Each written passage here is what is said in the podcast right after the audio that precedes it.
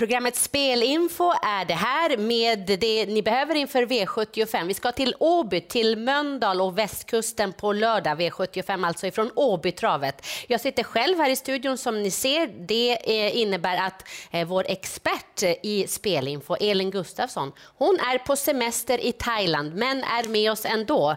Hur är läget Elin? Hur har du det i Thailand? Jag har det mycket, mycket varmare än vad ni har det i Sverige om man säger så.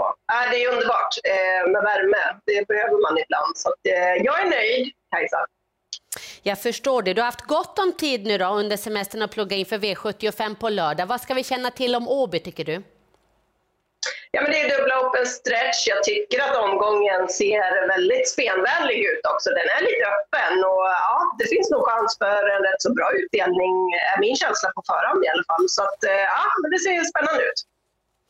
Vi går igenom då. Du har fyra hästar du vill prata om och vi börjar med den bästa spiken du har hittat. Det är inte någon favorit i V75 4. Berätta om soundtrack nummer två som du ska spika.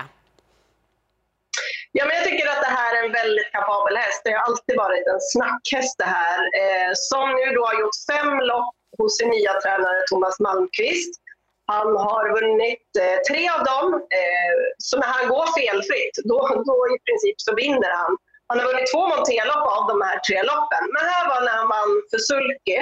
Och det är väl för tre starter sedan som han gjorde det. Och då var han ute Nej, fyra starter sen var det. Och då eh, ja, avancerade han framåt. Han hade spår 12 bakom bilen, avancerade framåt och redan varvet kvar här så tryckte han på. Sen tryckte han gaspedalen, Kennecke, och så lämnade han sina konkurrenter. Han är väldigt bra den här. Han är tuff, han är stark, han tål att lufsa på ut i spåren. Eh, nu fick han spår 2, det är helt perfekt för honom för att han är ingen startraket. Och Näst senast när han var ute bakom bilen, ja, då hade han spår 1 bakom bilen och då blev han dunderfast. Även om han kom ut sen, ja, vi kan kolla på det, han kom ingenstans ifrån start, hamnade invändigt och var kvar där. Eh, hittade en lucka sen på upploppet och eh, det här var ett kort lopp dessutom så det blev lite stressigt för honom. Han är lite bättre på längre distanser. Han slog ihop och galopperade när Knäcke begärde lite extra av honom där. Nu får han inte den stressen, nu, nu kan han styra på när det passar. Eh, jag tycker han är superspännande för den här hästen kommer klättra i klasserna. Och i ett sådär eh, lopp där jag tycker att det finns rätt så många som man kan tro på, så tänker jag att jag vill eh, ta ställning här. Soundtrack fortsatt i väldigt låg klass. Han kommer klättra som sagt var och jag spikar. Bara 11 procent på den bästa spiken i omgången V75 2 Soundtrack. Sen går vi till avdelning 2 där Luca Barroso nummer ett blir ganska klar favorit vad vi kan tro. Johan Untersteiner tränar och kör. Du har en häst som du tror kan utmana favoriten, Thomas Urbergs Rustico nummer 3. Precis. Eh, det här är ju ett eh, voltlopp och dessutom är det lite längre distans. Då. Rustico, han hade inga problem med långdistans senast. Han är ganska stark och tuff han också. Eh, han eh, vann då på den här distansen. Han är van att gå med skor, han är van att eh, tävla i vanlig vagn. Och så där såg det ut senast när han passerade mål och det såg ut att finnas eh, bra med krafter över mål där och det såg fint ut. Han är i bra form hästen och absolut en utmanare till den stora favoriten. Det man ska tänka på här är att det är den lägsta klassen, det händer lite grann. Det gäller att de är stabila, det är ju som sagt var volt. Och eh, de loppen han har varit ute i volt, han känns stabil och bra. Vi kan kolla på ett lopp när han stod 20 meters tillägg och ledde den volten. Han hade spår 1 på 20 meters tillägg. Det var bara en häst framför.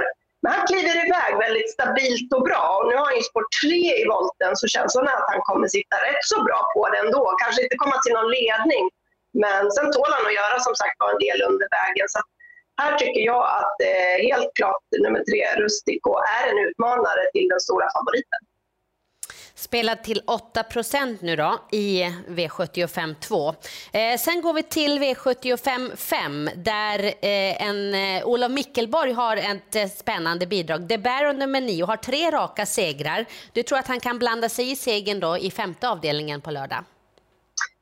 Ja, men jag tycker det. Han eh, har ju visat strålande form här på slutet. Och vi är ju, han är ganska känd för att vara startsnabb och tycka om att tuffa på i ledningen. Men nu på slutet här så har han visat många bra lopp när han får lägga in speeden till slut. Han har två rätt så bra ryggar ifrån start, så han borde inte hamna allt för långt bak. Så här såg det ut senast när han vann. Då attackerade han bakifrån och var helt överlägsen när han passerade mål på Bjerke. Och, eh, ja, en riktigt härlig avslutare. Det tror jag kan passa bra i det här loppet. Det blir nog lite tempo på det hela och det skulle passa honom alldeles utmärkt. Och svischa förbi dem till slut. Som sagt var, superform på nummer 9, The Barrow jagar fjärde raka då i V75 5. Den sjätte avdelningen, du har många bra idéer Elin i omgången. Du har en skräll i avdelning 6. Sangria Pellini nummer 8 blir en hel del betrodd. Skrällen med springspår då eh, på startvolten, berätta. De är ju bara sex stycken där, så hon är ju ensam på det springspåret, eh, nummer 6, Corona Park. Park.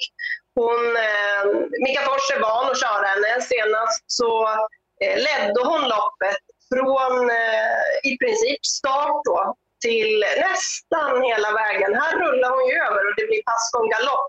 Hon tappade faktiskt en sko under vägen och eh, hon fick inte stilen att funka hela vägen då.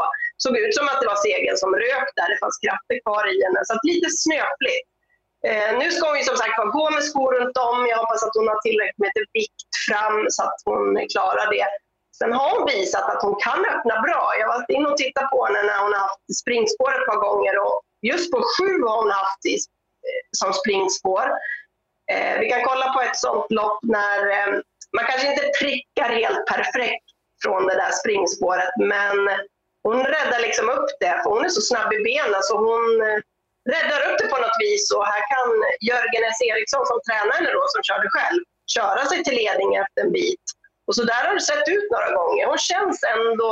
Hon har, jag ska säga det, att hon har hoppat någon gång när det gäller volt, men just när det är springspår så, där, så känns det som att hon eh, får tid på sig att vända runt. Och de är som sagt bara sex stycken på den första volten, ensam på springspår. Jag tror ju att Mika Fors kommer komma iväg jättebra med henne.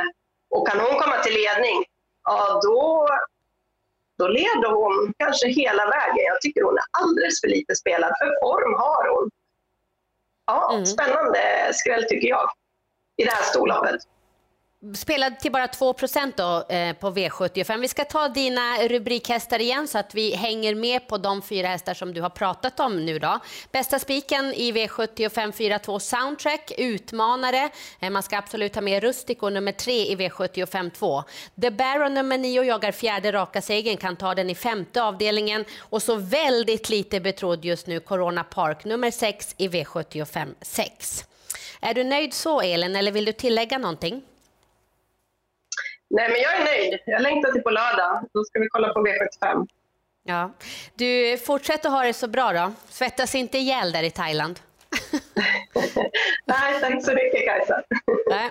Eh, bra grottat. Jag gör det. Fortsätt och njut säger vi till Elin Gustafsson som har grottat bra inför V75 på lördag. Lycka till! Åby är det som gäller 16.20 precis som vanligt. Starttid för V75 på lördag.